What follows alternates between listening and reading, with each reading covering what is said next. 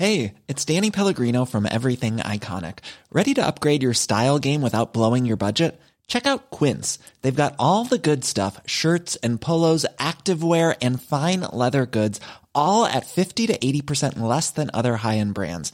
And the best part? They're all about safe, ethical, and responsible manufacturing. Get that luxury vibe without the luxury price tag. Hit up quince.com slash upgrade for free shipping and 365 day returns on your next order. That's quince.com slash upgrade.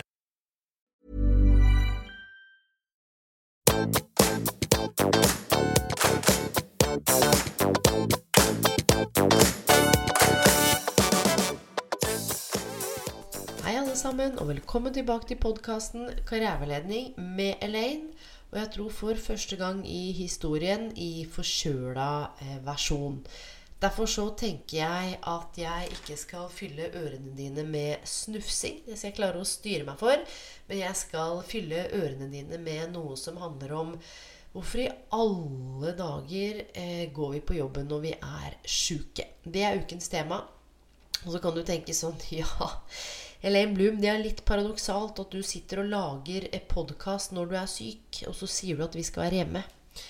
For det første så er det jo ikke det jeg sier, for nå har vi ikke begynt ennå. Eh, men det er alltid spennende hvordan eh, hodet vårt og tankene våre spinner av gårde når vi hører konsepter og ord. Jeg sitter her og lager en podkast til deg fordi jeg har vært krystallklar på om de valgene jeg tar i mitt liv, gir meg energi, eller om de tapper meg for energi. Så det å sitte ved kjøkkenbordet med mikrofonen og noen eh, refleksjoner omkring denne tematikken, det gir meg så mye glede og inspirasjon. Og hadde det ikke gjort det, så hadde jeg aldri sittet her. Hvis det hadde drained meg eller tappa meg for all energi, så hadde jeg eh, Jeg er ikke så høy på meg sjøl at eh, du, jeg tenker at dere har liksom klart dere en uke uten den podkasten her. Inni meg så håper jeg jo kanskje ikke det, men eh, hvis jeg skal være realistisk, så veit jeg jo at det hadde gått fint.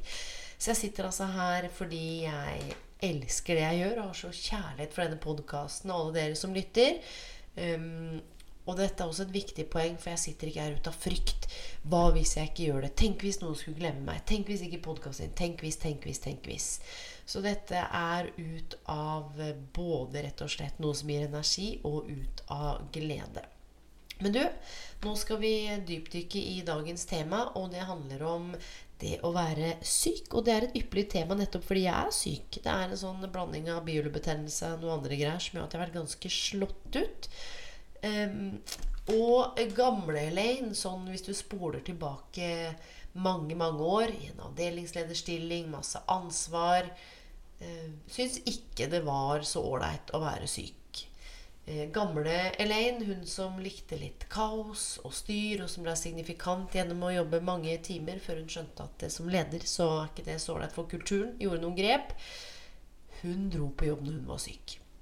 Og nå kan det være at du tenker sånn Er det mulig å være så gæren? Hvem er det som drar på jobb eh, når de er syke? Men ganske ferske undersøkelser, eh, bl.a. i USA og i England, viser at eh, en av de grunnene eller hovedårsakene folk opplyser om at de går på jobb når de er syke, er fordi at de har for mye jobb å gjøre. Så eh, er det andre er at de ikke har lyst til å bruke sykedager. Eh, det er jo ikke like kritisk for en del av oss som eh, er under norsk arbeidsmiljø, altså miljøloven, vernet. kanskje ikke like lett for alle som er frilansere, men du vet, det er jo ulike systemer både i Norge og utlandet. Det vet jeg at dere vet. Og så handler det om eh, press fra arbeidsgivere, og kanskje ikke uttalt, men mer sånn indirekte. Så jeg har lyst til å koble på en ting til som jeg tenker handler om eh, hva vil alle andre tenke om meg, og hvordan kanskje ødelegger man for resten av teamet? Liksom man ikke gjør arbeidsoppgavene sine. Akkurat som man er litt sånn lat og litt sånn slack. Og i går var det jo verdensdagen for psykisk helse, hvor jeg hadde en eh, helt annen eh, post enn det jeg pleier å ha. Og hele den posten den starta med et begrep som jeg tror jeg har båret med meg i, hvert fall 15 år inn i veiledningsrommet, som handler om eh, 'jeg tror deg'. Jeg tror deg når du sier at eh, du er syk. Jeg tror deg når du sier at jobbsøk er vanskelig. Jeg tror deg når eh, du sier at livet virker eh, utfordrende. Jeg tror deg når du har en opplevelse at det er alle andres skyld. Og jeg tror deg når du sier at du kjenner på alt ansvaret for hvordan det gikk som det gikk. Det å vite at det er noen som tror på en, eh, for å så begynne å utforske og kanskje dekonstruere og rekonstruere hva det dreier seg om, det er helt sentralt. Og Derfor hadde jeg lyst til å lage den episoden her også. og en liten sånn side note. Jeg forsket jo på i 2018 folk som sto utenfor arbeidslivet. hvordan de lata som de gikk ut om morgenen, skrudde alt lys i huset og kom hjem på kvelden og bare virra rundt og gjemte seg. Hvordan noen eh, kjørte over 20 minutter for å handle mat på et annet sted enn nærbutikken for å passe på at ikke de ikke møtte noen de kjente på. Hvordan eh, det ble fortalt sånn at slapp av, du, selv om du får masse avslag. Dette ordner seg. Bare gi det litt tid. Um, hvor de bare hadde trengt å høre at noen sa du, jeg, jeg tror deg. Jeg tror på at det er tøft å være utenfor. Og ikke fikse noe. Men heller tilrettelegge for en god dialog. Jeg tror det er litt av det jeg ønsker å gjøre med denne episoden i dag også. Ingen floskler eller quick fixer eller rett og slett bare sånn når du er syk, og så må du definere hva, hva, syk er for deg. Om det er en forkjølelse, om det handler om noe som er mentalt, altså fysisk, emosjonelt. Eh, går du på jobben? Blir du hjemme? Og hva er det som gjør eventuelt at du går på jobben? Hva er det som gjør at man føler at man må gå på jobb når man er syk? Eh, for litt av utfordringen og dette sånn i forhold til psykisk helse som handlet om løft blikket, så skrev jeg også i går dette med å um, skulle løfte blikket. Men uh, hva hvis ingen er der for å møte blikket? Så en forlengelse av podkasten tenkte jeg skulle lese det jeg skrev i går. Og det er et utdrag fra tekstsamlingen min 'Karriere og menneskemøter'. Den går sånn her. Jeg tror deg. Løft blikket, sier de, men jeg er redd for å se noen i øynene. Jeg er redd for at noen skal se hvordan jeg egentlig har det. Jeg er redd for at noen skal se hva jeg egentlig føler. Hva om jeg løfter blikket, leter etter noen som kan se meg for den jeg er, åpner opp, men ingen tror meg. Jeg er sliten, derfor så tar jeg på meg rustningen hver dag før jeg går ut døra. Jeg er heldig, jeg har en jobb. Jeg later som jeg har det bra, smiler, nikker og er med i samtaler hvor vi egentlig ikke snakker om det som er så viktig. Vi snakker om hvem som tjener hva, hvem person som jobber med hva, å, for en kul stillingstittel henne har. Tenk deg hvis noen uh, spurte meg hvordan jeg egentlig hadde det. Hva ville jeg ha svart da? Og du? Jeg kjenner de som ikke har en jobb. De som later som de går ut av døra på morgenen, så ingen skal se at jeg er hjemme. De som reiser 20 minutter for å handle et annet sted enn nærbutikken, i tilfelle noen skal spørre hva de driver med om dagen. Jeg kjenner de som kjenner på en for stor skam til å be om hjelp. De som sitter alene, som har et opplevelse at ingen vil ha dem. At det ikke er plass til de i arbeidsmarkedet. De er ikke av verdi. Avslag på avslag renner inn. De hører andre si 'slapp av, det ordner seg', 'dette får du til'. Det tar bare litt tid. Gamle, oppbrukte floskler er ikke særlig til hjelp. Vet du hva? Kanskje de trenger å høre 'jeg tror deg' når de sier at det er vanskelig om dagen. Jeg har virkelig lyst til å løfte blikket. Det er bare det at jeg ikke tør. Jeg føler at det er noe galt med meg. Frykten for å møte blikk der det ikke finnes gjenklang, gjør at jeg velger å se ned. For hvem vil vel se hele meg, sårbar, usikker, ekte, hel, og med alle de sidene og delene som er meg? For du, jeg kjenner også de som tilsynelatende har eh, skjønt alt, funnet ut av livet, karrieren og kjærligheten. De som viser seg fram, roper høyt og er så innmari lykkelig hele tida. De som konstant har løftede blikk, later som om jeg ikke finnes. Innerst inne tror jeg at de er redd for å kjenne noe igjen i seg selv når de møter mitt blikk. Jeg tror de. Kanskje hvis du også tok av deg deler av rustningen, tok bort litt av fasaden, lot meg få se de delene av deg som ingen ser. Da kunne jeg våge å venne meg til deg når jeg hadde det vanskelig. Da kunne jeg fortelle til deg når jeg ikke hadde det bra. Og så vet jeg at du ville romme det. Vi tror på hverandre, du og jeg. Da ville jeg kjent fellesskap. Et mangfold hvor alle kunne bare være som de er, med alt det de er. Det å vite at du tåler meg og mine følelser, gjør at du også kan få tilgang til å tåle deg og det du bærer på. Ved å tro på hverandre, ta hverandre på alvor, kan vi skape gode sosiale arenaer sammen. Fordi vi tror på at det er verdt det. Vi trenger å tro på hverandre, alle sammen. Og du som hører dette, jeg tror deg. Og ved at vi som eh, av og til kanskje er for syke, forkjøla, for høy feber, for magevirus til å gå på jobb Når vi kommer på jobb eh, syke, så tvinger vi andre til å opprettholde samme fasade og nivå uten at vi tenker over det. Når vi ikke tør å dra ned fasaden eller ta litt av rustningen, kanskje åpne opp litt, så tvinger vi andre rundt oss til å opprettholde den samme rustningen.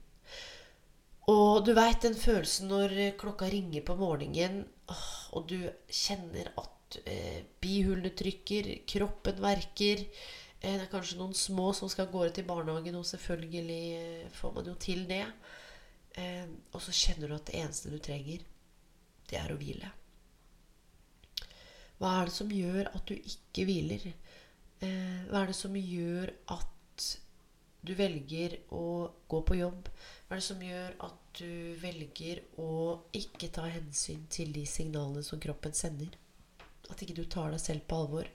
For meg så handler det Jeg har ikke noe godt ord på norsk egentlig, men sånn self-betrayal. Og vi veit når vi um, betray ourselves, når vi går på tvers av det som vi veit er viktig for oss. Uh, self-betrayal er noe annet enn å gå på kompromiss. Å gå på kompromiss betyr at du willingly, altså du eh, gjør det ut av kjærlighet eller et ønske om at det kjennes viktig for deg. Self-betrayal, det er når du tar de valgene som eh, du kjenner ikke er riktig og viktig for deg. Og jeg har lyst til å adressere det fordi eh, jeg har sittet og hatt noen sånn mikro småjobbing. Jeg har bare sittet i senga, ikke gjort noe voldsomt. Bare to-tre ting som har gitt meg eh, glede. Så det litt sånn kaste stein i glasshus, så får du ikke lagt bort all jobben og bare ligge under dyna. Men jeg har hvilt skikkelig mer enn det jeg har gjort på lenge. Eh, og det betyr ikke at man ikke kan eh, svare på én mail, eller at man ikke kan utvikle noe ferdig som gir en glede. Her gjelder det at du må kjenne etter. Jeg hadde bare lyst til å adressere det fordi det er mange måter å hvile på, og det er mange måter å ta seg selv eh, på alvor. Og alle kan bli syke en gang iblant. Det er bare at det, eh, vi må få bort den skammen med at det er en sånn svakhet ved å skulle være sjuk eller være borte. Og særlig sånn hvis man er en del av et team, at man ødelegger for teamet. I så fall så er den organisatoriske karrierehelsa og strukturen eh, og de organisatoriske rammene ikke særlig ålreite hvis man ikke har klart å ta høyde for at folk faktisk eh, kan være borte eller kan bli borte. Det er for meg helt sånn ikke uforståelig, for jeg har sett i mange av de organisasjonene jeg er inne i, hvor jeg jobber med nå ja, lederutvikling, organisasjonsutvikling, forankra både i PED og karriereveiledning og nevrovitenskap og en hel del andre ting. Um, så det handler ikke om å være en arbeidsnarkoman. Det handler ikke om at man får verdi gjennom jobben sin nødvendigvis. Det bare handler om en sånn grunnleggende forståelse for at det er noen mekanismer oss mennesker imellom som gjør at når du vet at du egentlig trenger å hvile, trenger å ta det med ro, så lar du være fordi det er noe jobb som må gjøres. Eller tenk deg. Og noen vil tenke om deg. Eller hva hvis? Så fill in the blanks. Hva er dine grunner for ikke å ta helsa di på alvor? Og husk at karrierehelsa det handler ikke bare om det fysiske aspektet eh, hvile. Det handler om hvordan du spiser, hvordan du beveger deg, hvordan det er rundt deg på jobb med omgivelsene. Det handler om hvordan du finner mening, verdiene dine, håp og fremtidstro, hvor du hører til. Det handler om å sette grenser. Det handler om overbevisningen din, den indre dialogen din, selvrespekt, aksept. Og alt dette her og mye mer henger sammen.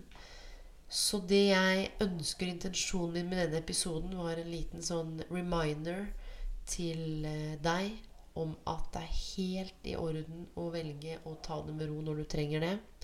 Så er det forskjell på å mm, si at man er syk fordi man har lyst til å se på VM, eller eh, ja, rett og slett lyst til å ta en fridag i sola. Da tenker jeg at man kan vel heller være såpass raus og ærlig og si at du, nå syns jeg at jeg har jobba eh, godt i det siste, og jeg har behov jeg, rett og slett for å ta meg en halv dag for å hente meg inn. Eh, hva tenker du om det? Og kan vi finne en eller annen lur løsning hvor hvis jeg gjør det, så kan vi gjøre dette her på en eller annen måte. Gå i dialog. Eh, det er noe sånn ubehagelig ved å være uærlig med kollegaene dine og med lederen din. Og, ja. og husk, er du syk, blir du sykemeldt, så er det sånn at eh, du trenger ikke fortelle hva det er for noe. Det er ingen som har krav om å vite. Så dette er noe du velger når du enten sender mail eller forteller at ikke du kommer. Men denne episoden her handler om en sånn slags eh, Stimulere til refleksjon omkring når har du gått på jobb når du ikke har vært i form, når har du blitt hjemme, hva er det som gjør at du velger å gå hvis ikke du kjenner deg helt ok eller faktisk er syk, og hvordan kommuniserer du det? Unnskylder du deg eh, og sier ja, men jeg skal bare jobbe litt, jeg tar igjen alt, eller bare lar du det være og logger av? Og så, for det hjelper jo ikke å logge av hvis du er pålogga i huet. Da får ikke kroppen din hvile. Nervesystemet er i svenn. Kroppen pumper kortisol. Så det her handler om å ta noen eh, bevisste valg. Eh, og så er det ikke noe som er rett og galt her. Vi rammer ofte inn valg. 'Å, men det er rett å være hjemme. Det er galt å gjøre sånn. Jeg bør ikke gjøre ikke. Skulle, burde, måtte.' Tenk heller hva er det som er viktig for meg akkurat nå. Hva som er riktig eller ikke riktig, det får noen andre ta seg av. Men det er ikke din oppgave å dømme deg sjøl. Det er din oppgave å ta vare på deg selv. Fordi vi trenger deg. Og du, de gangene du er syk eller ikke har det bra, så Du, jeg tror deg. Og jeg tror det er en sånn fin måte å utøve selvaksept på. Og vise de rundt deg at du tar vare på deg sjøl.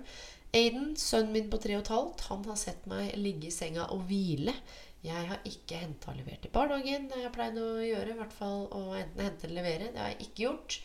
Um, og jeg har hatt en helt annet energinivå. Jeg har ikke orka like mye lek. Jeg har ikke vært like engasjert. Men jeg har fortalt han at eh, kroppen er eh, syk. Han ser jo det, for jeg er jo tett og hoven, og det renner jo Og da eh, trenger mamma å hvile. Så jeg kan være med på andre typer lek. Eller velge å ikke leke i det hele tatt. For det handler også om å modellere for han at jeg tar meg sjøl på alvor og setter grenser.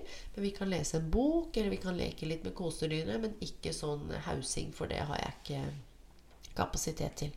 Og du, når man går i dialog og så ser på barnet som en ressurs, og vet at de forstår mye mer enn det vi eh, gir dem kred for, så blir det en veldig fin ting. Og så får eh, ja, leken og dialogen og samspill utspille seg fra et kjempefint sted, mer en sånn kaving og skal late som alt er så innmari jovialt, og gi gjerne når man ikke har det. Og med det, mine venner, så ønsker jeg deg en god kveld, god helg, god natt hvor enn du er i verden, og ikke minst eh, ta godt vare på deg selv. For gjør du det, så viser du også de rundt deg at du er verdt å ta vare på, og at de også er verdt å ta vare på. På gjenhør, og ikke minst tusen takk for at du er du, og for at du lytter. Ha det!